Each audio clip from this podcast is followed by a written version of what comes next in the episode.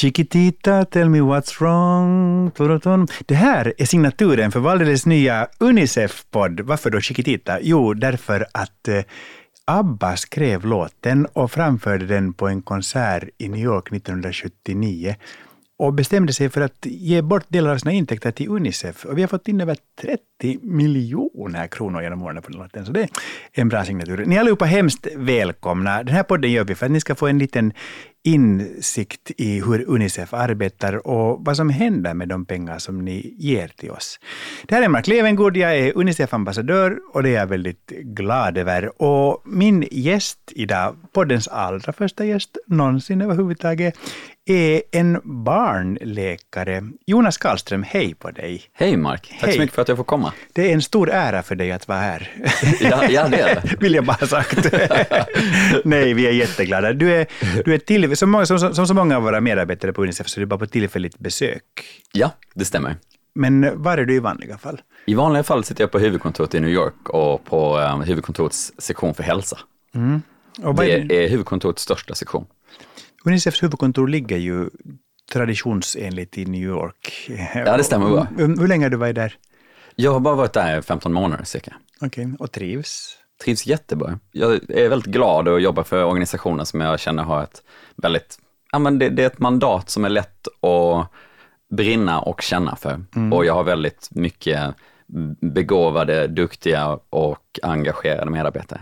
Vi ska gå in på vad du gör alldeles strax, men mm. först en liten bakgrund. Du är barnläkare. Ja, det stämmer bra. Jag är barnläkare under utbildning. Jag är ST-läkare. Du är ST-läkare, okej. Okay, ja. Inom barnmedicin. Och hur hamnar man då på Unicefs huvudkontor? Ja, uh, i mitt fall så blev jag rekryterad via Sidas program för Junior Professional Officers. Mm. De hjälper till att rekrytera svenskar in i systemet till platser där det behövs. Mm. Så jag fick uh, tjänsten som Health Officer efter att jag sökte via Sida. Okay. Och deras utgallring här i Stockholm och intervjuer med New York på um, telefon. Kände du till Unicef för vårt arbete innan du hamnade här? Ja, men det gjorde jag absolut. Uh, både från jobbet som uh, barnläkare och från att ha varit ute och och jobbat i världen. Redan innan under, under barndomen så var eh, mina föräldrar eh, ganska engagerade i organisationen. Det är ofta så, Unicef blir ofta en familjeangelägenhet och det, därför vi brukar uppmana våra världsföräldrar att engagera sina barn också. Att, därför att genom att följa vår hemsida till exempel så man får en väldigt bra, väldigt bra liksom information om vad vi gör, men man blir också på väldigt gott humör tycker jag. För att eh, Unicef gör så mycket magiska saker. När vi vaccinerar barn så vaccinerar vi så 40 miljoner barn och sånt. Och, och bara tider med så mycket dåliga nyheter som vi ändå har så kan man, man måste bli påmind om att det finns väldigt mycket goda krafter. Du tillhör dem Jonas, det är väldigt trevligt. Ja men det stämmer, Unicef har några väldigt stora program ja. och, och, och drar ett stort lass för barn på många olika fronter, bland annat hälsa.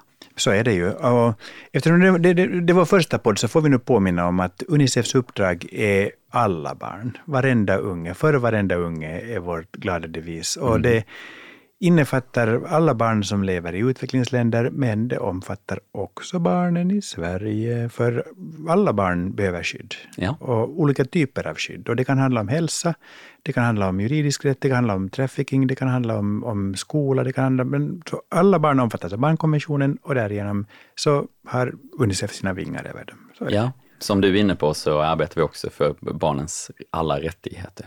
Ja, det är en speciell sak.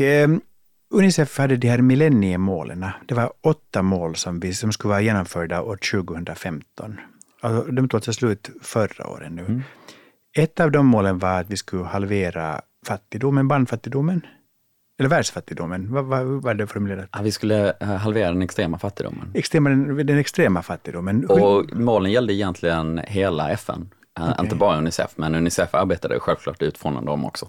Hur gick det? Lyckades vi halvera världsfattigdomen? Ja, det gjorde vi. Det var det en av de riktiga framgångshistorierna från de tidigare millenniemålen. Mm. Men många andra stora framsteg gjordes också. Som vad då?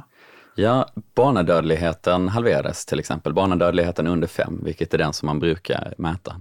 Man använde det man kallar för en baseline, en utgångspunkt som var året 1990. Och då så dog 12,7 miljoner barn per år. Idag så har vi nått ner till 5,9, så vi har mer än halverat den. Och det är ju alldeles fantastiskt. Mm. Samtidigt så lever vi fortfarande på en planet där 5,9 miljoner barn dör varje år, så att vi är ju inte alls framme. Men man måste bryta upp ibland i delmål bara för att se hur mycket som faktiskt kan göras. Absolut. Nu ska understrykas att millenniemålet som var en minskning med två tredjedelar nåddes faktiskt inte. Och som du säger, det är fortfarande 5,9 miljoner barn som dör per år, mm. vilket kan översättas i 16 000 per dag. Så det mm. finns väldigt mycket arbete kvar, både vad det gäller barnadödlighet och med andra stora mål. Men det är det som är det fantastiska, att den länk som börjar med våra världsföräldrar, som skänker 100 kronor i månaden, faktiskt kan bidra till att eh, dessa onda röda siffror kan liksom lösas upp och bli liv och hälsa för barn istället. Jag tycker det är så, tycker det är enormt, så enormt. Men nu ersätts då millenniemålen, eftersom vi siktar framåt, så nu har vi något som vi kallar för utvecklingsmålen. Ja, de hållbara utvecklingsmålen. Och vilka är de? Ja, de är 17 stycken. Och vilka är det viktigaste? Ja, jag skulle säga att alla är väldigt viktiga, men de som kanske knyter an tydligast till barnen, då handlar äh, Flera av dem handlar om arbetet som kvarstår från millenniemålen. Så vi siktar mot att utrota fattigdom nu helt uh, överallt. Vi vill stoppa barnadödligheten som går att förebygga. Det betyder att uh, många av de där 5,9 miljonerna som dör per år, det är egentligen dödsfall som sker i onödan, för vi vet hur vi skulle kunna undvika dem. Så mm alla de dödsfallen vill vi sopa undan och, och få barnen att klara sig helt enkelt. Mm. Sen så finns det många andra högt satta mål. Man ska stoppa hunger, man ska göra slut på aids, eh, hiv-utbrottet och eh, man ska ge barnen en likvärdig tillgång till eh, skola och bar alla barn ska få lov att gå i skola. Sen eh, ett annat viktigt mål för Unicef, det handlar också om att ge barn tillgång till rent vatten och hyggliga sanitära förhållanden och to ordentliga toaletter. Mm. Och jämlikhet. Jämlikhet går som en röd tråd genom de nya 17 målen. Det är det som är så spännande med, med allt sammans. Alltså vatten är ju alltid grunden för allt sammans. Eh, och, och, när vi tar oss an nya områden på jorden så brukar vi alltid börja med att säkerställa vattentillgången och se till att det finns, att det finns rent vatten. Mm. Men just när det kommer till toaletter och jämlikhet, så jag minns jag när jag var i om det nu var Zambia. Och jag minns att det var så svårt att få familjerna att skicka sina flickor till skolan. Mm.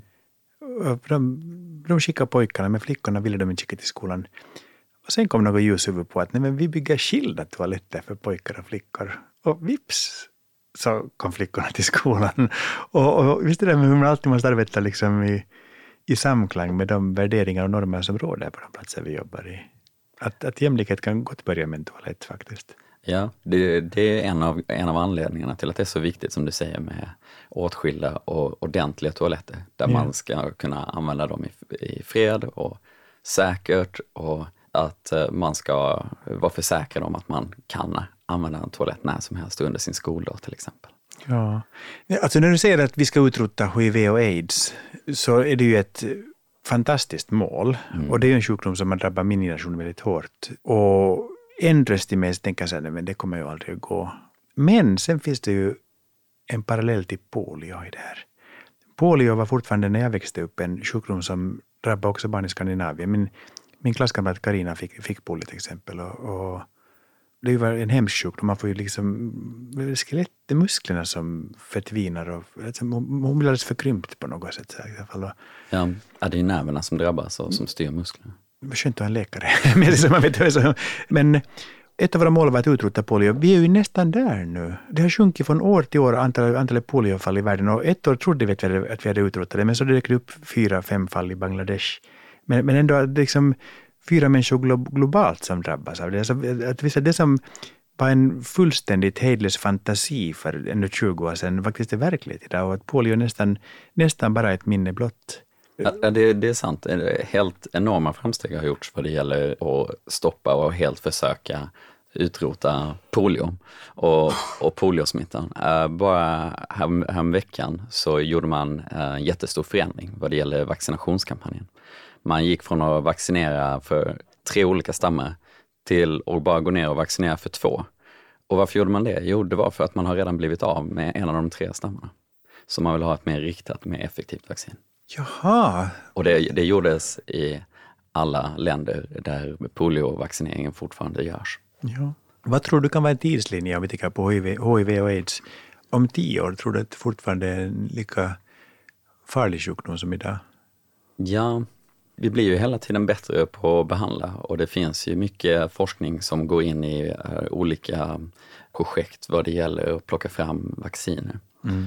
Det man skulle kunna hoppas på är väl ett stort genombrott vad det gäller uh, just vaccinationsforskningen. Men samtidigt så har vi ju antiviral medicinering som fungerar väldigt bra.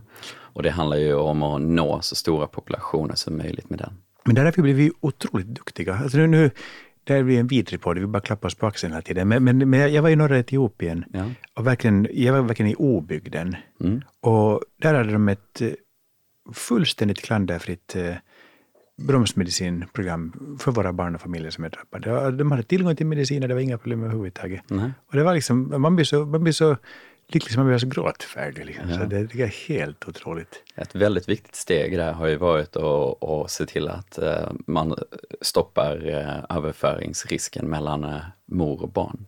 Mm. Så att man ser till att medicinera gravida och, och också under amningsperioderna fortsätta med antiviral medicinering och att man håller uppe den ordentligt. På det sättet kan man totalt eh, reducera eh, vidare smittspridning i princip. Mm. För de som nu är någorlunda nya inom Unicef så kan vi berätta det att, att det är barnen som, som vi är satta att hjälpa. Men eh, för att kunna hjälpa barn så går vi in och hjälper familjer ja. eftersom ett barn ju mår bäst i sin familj alltid. Mm. Men det här med utbildning tycker jag är också en sån spännande sak. För jag vet ju det att när vi rycker in i ett katastrofområde till exempel, mm och har arbetat med barn som har fått sina, vars föräldrar dött i jordbävningar, översvämningar. Så bland det första vi gör är att vi upprättar skolor, temporära ja. skolor. Det är ofta i tält, enklast, men, men vi vill att barnen så fort som möjligt ska återgå till någon form av vardag och vi vill att de så fort som möjligt ska återgå till att växa och lära sig, vilket är barnens uppgift. Mm. Vilket, och det, tycker också fungerar så otroligt bra. Internet, tillgången till internet, mm. Eh, omfattas det på något vis av de nya målen? Ja, men det gör det absolut. Kommunikation är, ett, eh, ett av de övergripande, eller ett av de stora målen också i den här nya hållbarhetsagendan. Och man vill ju se att alla ska ha en likvärdig tillgång till information. Och man hoppas just att en uppkopplad befolkning ska kunna hjälpa till och jämna ut lite av de olikheterna som finns annars. Det är det som är det fantastiska med uppkopplingen. Att är du uppkopplad så kan du använda nätet på samma sätt oavsett vem du skulle vara i övrigt, om du är fattig eller rik. Och du kan hitta informationen, du, kan, du, du får tillgång till... Liksom... Du kan söka efter informationen du behöver. Ja. Jag vet, när min dotter var sex år gammal så ville hon och hennes kompis låna min iPad och jag sa visst, men, men wifi funkar inte. Och hennes kompis sa, men gå via bluetooth. Och jag sa, nej jag har ingen bluetooth. Hon sa, men det har du visst. Och jag blev så här, jävla unge. Jag var så här, nej det har jag inte. jag, kände, jag, jag, jag, kunde, jag kunde inte ta det att bli upprumpad av en sexåring när det kom till min padda. men, men det är samtidigt också ett tecken på, liksom, på vilken enorm kapacitet de har att, ja. att, att tillgodogöra ja. sig liksom det. Ja. Det där var en spännande poäng som vi kan knyta in lite till det vi pratade om också med Eh, när, man, när man utformar de här nya utvecklingsmålen så försökte man eh, göra det till en, en process där väldigt många skulle få vara med och tycka till om vad som skulle utgöra de nya målen, vad som skulle finnas med. Och då försökte man engagera både civilsamhälle och privatsektor, eh, medlemsländerna i FN förstås, icke-statliga organisationer och man försökte fråga barnen också vad de tyckte. Så det, det har varit väldigt stora kampanjer med att försöka få in feedback från, från allmänheten om vad man tycker är viktigast. Mm. Och Unicef har ju självklart varit med och understrykt vikten av att vi, man måste aktivt få in barnens röst i den nya, uh, i den nya hållbarhetsagendan, nya mm. utvecklingsagendan för att, för att de ska kunna vara med och säga vad de tycker är viktigast. Mm, det är alltid viktigt. Samtidigt så där är jag lite gammaldags. Jag, jag, jag tycker också det är jätteviktigt att få in barnens röst eftersom de, de kommer med vinklar eh, som är nya mm. för oss som är vuxna. Mm. Sen kan jag ändå känna så att, att, lyssna på barnen och sen ska de vuxna bestämma. för jag, jag, jag, kommer tycka att det finns ett romantiserande ja. om att barnen skulle bära på en slags sanning. Och det är nog också något som man lär sig när man är förälder, tycker jag, liksom att, att barn har så otroligt dålig smak. Eh, så, sätt dem framför liksom en, en animerad tandborste som hoppar runt så sitter de där och är jättenöjda och tycker att det var det bästa de har sett i hela sitt liv. Mm, liksom. mm. Att, men, men, men däremot så är det klart att man ska ta in barnens röst. Tycker jag. Jag, jag, kan ju, jag kan ju lugna dig med och försäkra dig om att, att det var de vuxna som bestämde till slut. Ja, vad, skönt. Vad skönt. Unicef fyller ju 70 år i år nu. Ja. Vi, vi skapades 1946 eh, och det som för mig alltid är en sån bra påminnelse det är om att när Unicef skapades så var det för att hjälpa barnen i Europa och eh, i Kina. För det var där som nöden var stor då. Liksom. Mm. Först 1952 så fick Unicef då ett globalt uppdrag att arbeta för alla barnen. Liksom. Men, men, ehm, och mycket har förändrats i vårt sätt att arbeta. Till exempel så tycker vi ju inte om barnhem idag. Eh, och det här var lite, när vi är i Etiopien till exempel så så ett problem är att de får riktade testamenten. Det, det får, det, det ska att vi, vi ska ta pengarna och öppna ett barnhem i mitt namn. Men vi, vi, och det gör vi ju det, men vi tror ju inte att något barn mår gott av att bo på ett barnhem.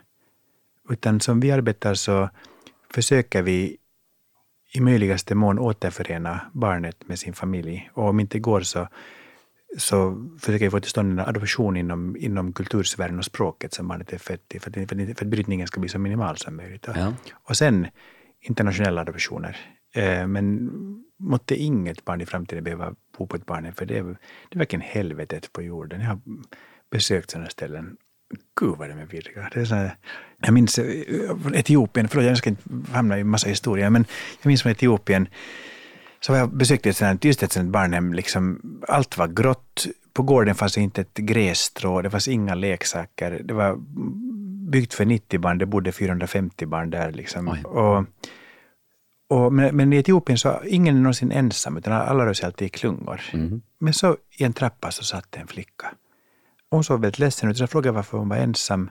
Och sa att hon kände inte för att umgås med någon. Jaha. Och så, så men hon, hon var där länge, så hon, nu har hon varit här i tre månader. Så, så, och, så, och så berättade hon sin historia. Att det var, hon kom från södra Etiopien och hon måste fly hemmet på grund av domestic violence. Mm. Jag antar att det, pappa var kanske alkoholist. Ja, våld inom familjen. Det var inom familjen. Mm.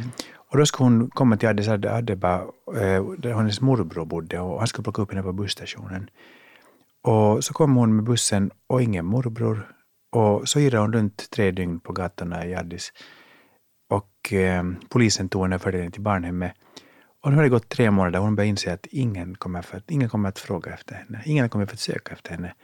Och nu var hon nio år gammal och skulle måste stanna på det här barnhemmet tills hon var 18, alltså nio år i ett grått brunt helvete. Mm. Så där, där, där man känner liksom hur hjärtat går sönder, tycker jag. Ja. Men då är det bra att Unicef finns och kämpar också för henne, tänker jag sen. Liksom. Att man får, det är ju alltid en balansgång mellan sorg och glädje att, att ägna sig åt de här grejerna. Du, du, har också varit, du också varit i fält. Ja, uh, i januari så var jag i Liberia. Uh, det var uh, för ett projekt som vi gör um, som handlar om ja, någonting som man kallar för resiliens inom hälsosystem. Det handlar om att göra hälsosystemen mer förberedda på att ta hand om krissituationer. Okay. Och att um, hälsosystemen ska hitta sätt alltså själva sjukvårdsapparaten i landet, de, de olika klinikerna, sjukhusen, men också vårdcentralerna då, de allra minsta enheterna, hitta sätt att fortsätta och göra sitt vanliga jobb under tiden som man försöker ta hand om en krissituation. Så det var därför vi åkte till eh, Liberia som ju nyligen hade, var ett av de länderna som drabbades av det stora ebolautbrottet. Ja, precis. Ja. Men hur uppfattar du vistelsen där, blev, blev du nedstämd av det ändlösa behovet eller, eller kunde du hitta någon slags glädje i allt det som ändå blev gjort? Ja, en hel del av studien, eh, projektet vi hade på plats, handlade om att försöka prata med ehm, de olika byarna och eh, de olika grupperna som var med och ledde i, i byarna och även med hälsopersonalen. Och det, det, tyckte jag var oerhört inspirerande. De har, de har ju gått igenom gott om svåra tider i Liberia. Mm. Två relativt eh, nyliga blodiga inbördeskrig och sen ett så här pass fattigt land med, med svaga eh, samhällsstrukturer och institutioner som drabbas av en, av en sån här fruktansvärd, eh, fruktansvärt utbrott och smitta. Då. Men när man kommer ut i byarna och pratar med dem så är de man märker ju självklart att de eh, fortfarande är påverkade av att det som hänt så nyligen. Men samtidigt så eh, får man en känsla av att de känner sig stärkta, att de har en tilltro till framtiden, att de vet att de tillsammans var med och övervann den här svåra krisen också. Mm och att det finns, det finns en väg framåt, både för, för dem, för deras by och för deras land. För det tycker jag är en del av magin med Unicef, det är att vart, vart man än kommer så märker man att livet vill alltid fortsätta. Ja. Att hur svårt folk än har det, så om de bara får hopp så orkar de kämpa på. Liksom. Ja, precis. Och, och det, var, det var också härligt att se hur um, folk hade axlat uh, de här mycket, mycket behövda rollerna då av, av ledarskap i, i, ute i byarna och de, i samhällena, när, när mycket av det, det andra strukturerna runt omkring föll bort och, och inte kunde fungera som vanligt längre. Mm. Då var det grupper av kvinnliga ledare och eh, religiösa ledare och eldsjälar inom, inom sjukvården som, som klev in och, och hjälpte till. Och, såg till att i slutändan få bukt och börja stoppa smittan. Mm. Ja, det är fantastiskt. Men i ditt dagliga arbete i New York, vad gör du? Jo, det jag har gjort är att jag har varit med och gett um, kunskapsstöd in i um, utformningsarbetet av det nya hållbarhetsmålet på hälsa och det har jag gjort för Unicefs räkning. Så det har jag ju då, där har vi försökt se till att ut, uh, hållbarhetsmålet för hälsa ska bli så bra som möjligt för Unicefs huvudmålgrupper, alltså barn och mm. mammor. Uh, och förutom det så har jag varit uh, med och uh, jobbat med någonting som handlar om sociala skillnader och hur det kommer till att påverka barns hälsa under tiden man växer upp. Det är ett område där det inte finns så mycket tidigare forskning. Kan, du ge exempel på vad det betyder? Sociala skillnader när man växer upp. Ja. Men menar du att, att han som växer upp på den soliga sidan gatan har bättre förutsättningar än han som växer upp i skuggan? Eller? Ja, precis. Där, där ser man att under tiden som barnen blir äldre så kommer det bli större och större skillnader i deras hälsostatus. Mm. Gäller det för Sverige också? Ja, det gör det till viss del. Men det är, det är mycket mer uttalat i länder där vi har större olikheter. Mm klart. Ja. Mm. Och, och, hur länge ska du vara i New York? Har du någon tids, tidsram för detta? Ja, tjänsten som jag har nu går på tre år. Och vad har du för planer sen? Ja, jag hade gärna fortsatt jobba med internationell hälsoutveckling och vara med och se till att vi når fram dit där vi vill nå och kommer fram till 2030 med en friskare och bättre värld för världens barn och mammor. Det, du kommer att märka när du är färdig med din treåriga tjänstgöring att eh, att du kommer att vilja vara kvar inom Unicef. För det är någonting med våra medarbetare, både centralt men också lokalt runt om på jorden, som gör att deras engagemang, alltså man, det är beroendeframkallande. Man blir, och bara att få vara en del av Unicef-familjen, vilken man är som arbetare på plats, arbetare centralt, men också som världsförälder, det, det ger en så fruktansvärt mycket, tycker jag. Ja. Så att bli inte gammal om du en dag, nu är du ung, men om du en dag spottas ut grå och gammal och fortfarande är inom Unicef, bli inte alls förvånad. Liksom, utan att. Nej, men det, någonting som jag tycker är en, en lite röd tråd med bland Unicef-medarbetarna, det är att det känns som att många har fantasi och glädje kvar även eh, långt upp i karriären. Det är kanske någonting med att fortsätta arbeta med barnen hela tiden ja. som hjälper till att, att hålla folk ja, vad ska vi säga, yngre till sinnet. Men om nu några av våra lyssnare känner att de också vill arbeta mer konkret för Unicef, så gå och skaffa er en utbildning. Det finns eh, folkhögskolor som har, såna här, som har liksom, eh, utbildningar. Det finns, vi, vi behöver varje form av expertis. Och gör det, för vi behöver bra människor. Men, men vad vi inte behöver är folk som lite allmänt vill åka ner och göra goda saker, för ni kommer bara vara, i vägen, för vi, vi är en effektiv organisation. Men, men ta ert engagemang på allvar, utbilda er och kom och bli en del av Unicef, för det är fantastiskt. Ja, ja det, det är en jättebra uppmaning och då kan man också, också passa på att försöka lära sig lite mera språk. För det mm. behövs om man ska åka ut och jobba internationellt. Vilka språk är det som, man, som det vi har behov av? Ja, vi jobbar ju i fransktalande länder i äh, södra Afrika till exempel. Och sen äh, ja, självklart engelska. Mm. Och äh, ytterligare språk som talas i, inom FN, där ingår arabiska, kinesiska, och ryska samt naturligtvis spanska. Jag kan finska, har ni någon som helst behov av mig? Ja, men vi är väldigt, väldigt glada att ha dig med i Unicef. Antakaa kaikki rahanne. Det betyder ge alla pengar ni har. Nu har jag gjort vad jag kunde för Unicef. Men för att nu nå de här utvecklingsmålen, hur mycket pengar ungefär behövs det? Ja, enligt de senaste beräkningarna, eh, som är dagens investeringsnivåer, så kommer det fortfarande krävas väldigt mycket pengar. Den senaste beräkningen säger 2500 miljarder amerikanska dollar per år. 2500 miljarder amerikanska, det är så mycket nollor så det ryms inte in i det rummet ens tycker jag. Det är, ju fantastiska pengar. Ja, eh, ambitionsnivåerna är ju väldigt högt satta. Mm. Som vi var inne på tidigare så om vi går tillbaks igen och pratar om barnadödlighet, om mm. barnen som dör före de fyller fem, eh, då har vi nått en ganska snabb minskningstakt. Men för att nå hela vägen fram till de nya målen, då behöver den takten som ehm, antalet dödsfall går ner i, den behöver höjas ytterligare. Så man pratar mm. om att man behöver böja kurvan vidare neråt. Mm. Och det är just för att få till eh, flera stycken av, av de här böjningarna av kurvorna neråt för att bli av med med fattigdom, för att bli av med eh, barnadödligheten. Det är den biten som gör att det, det, det kommer krävas så här pass stora resurser. Mm.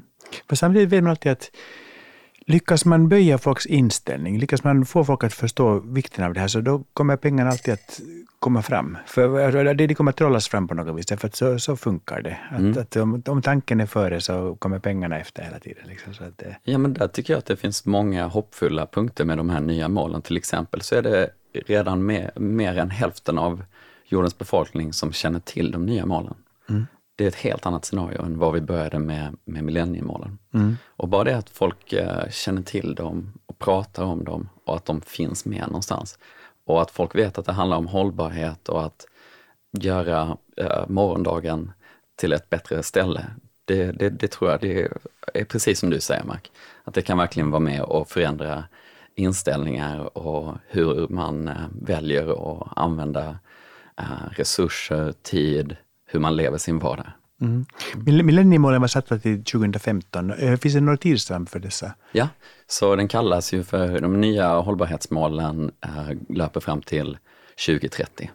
Och, och det själva agendan som de är en del av kallas just Agenda 2030. Så 2030 så är den extrema fattigdomen utrotad, HIV och aids är ett ont minne blott. Ja. Och eh, barnen har tillgång till internet och var man än föds så får man utvecklas utifrån sina förutsättningar och bli så grandios som man bara kan. Precis, det är, det är dit vi siktar. Lycka till med arbetet Jonas. Tack.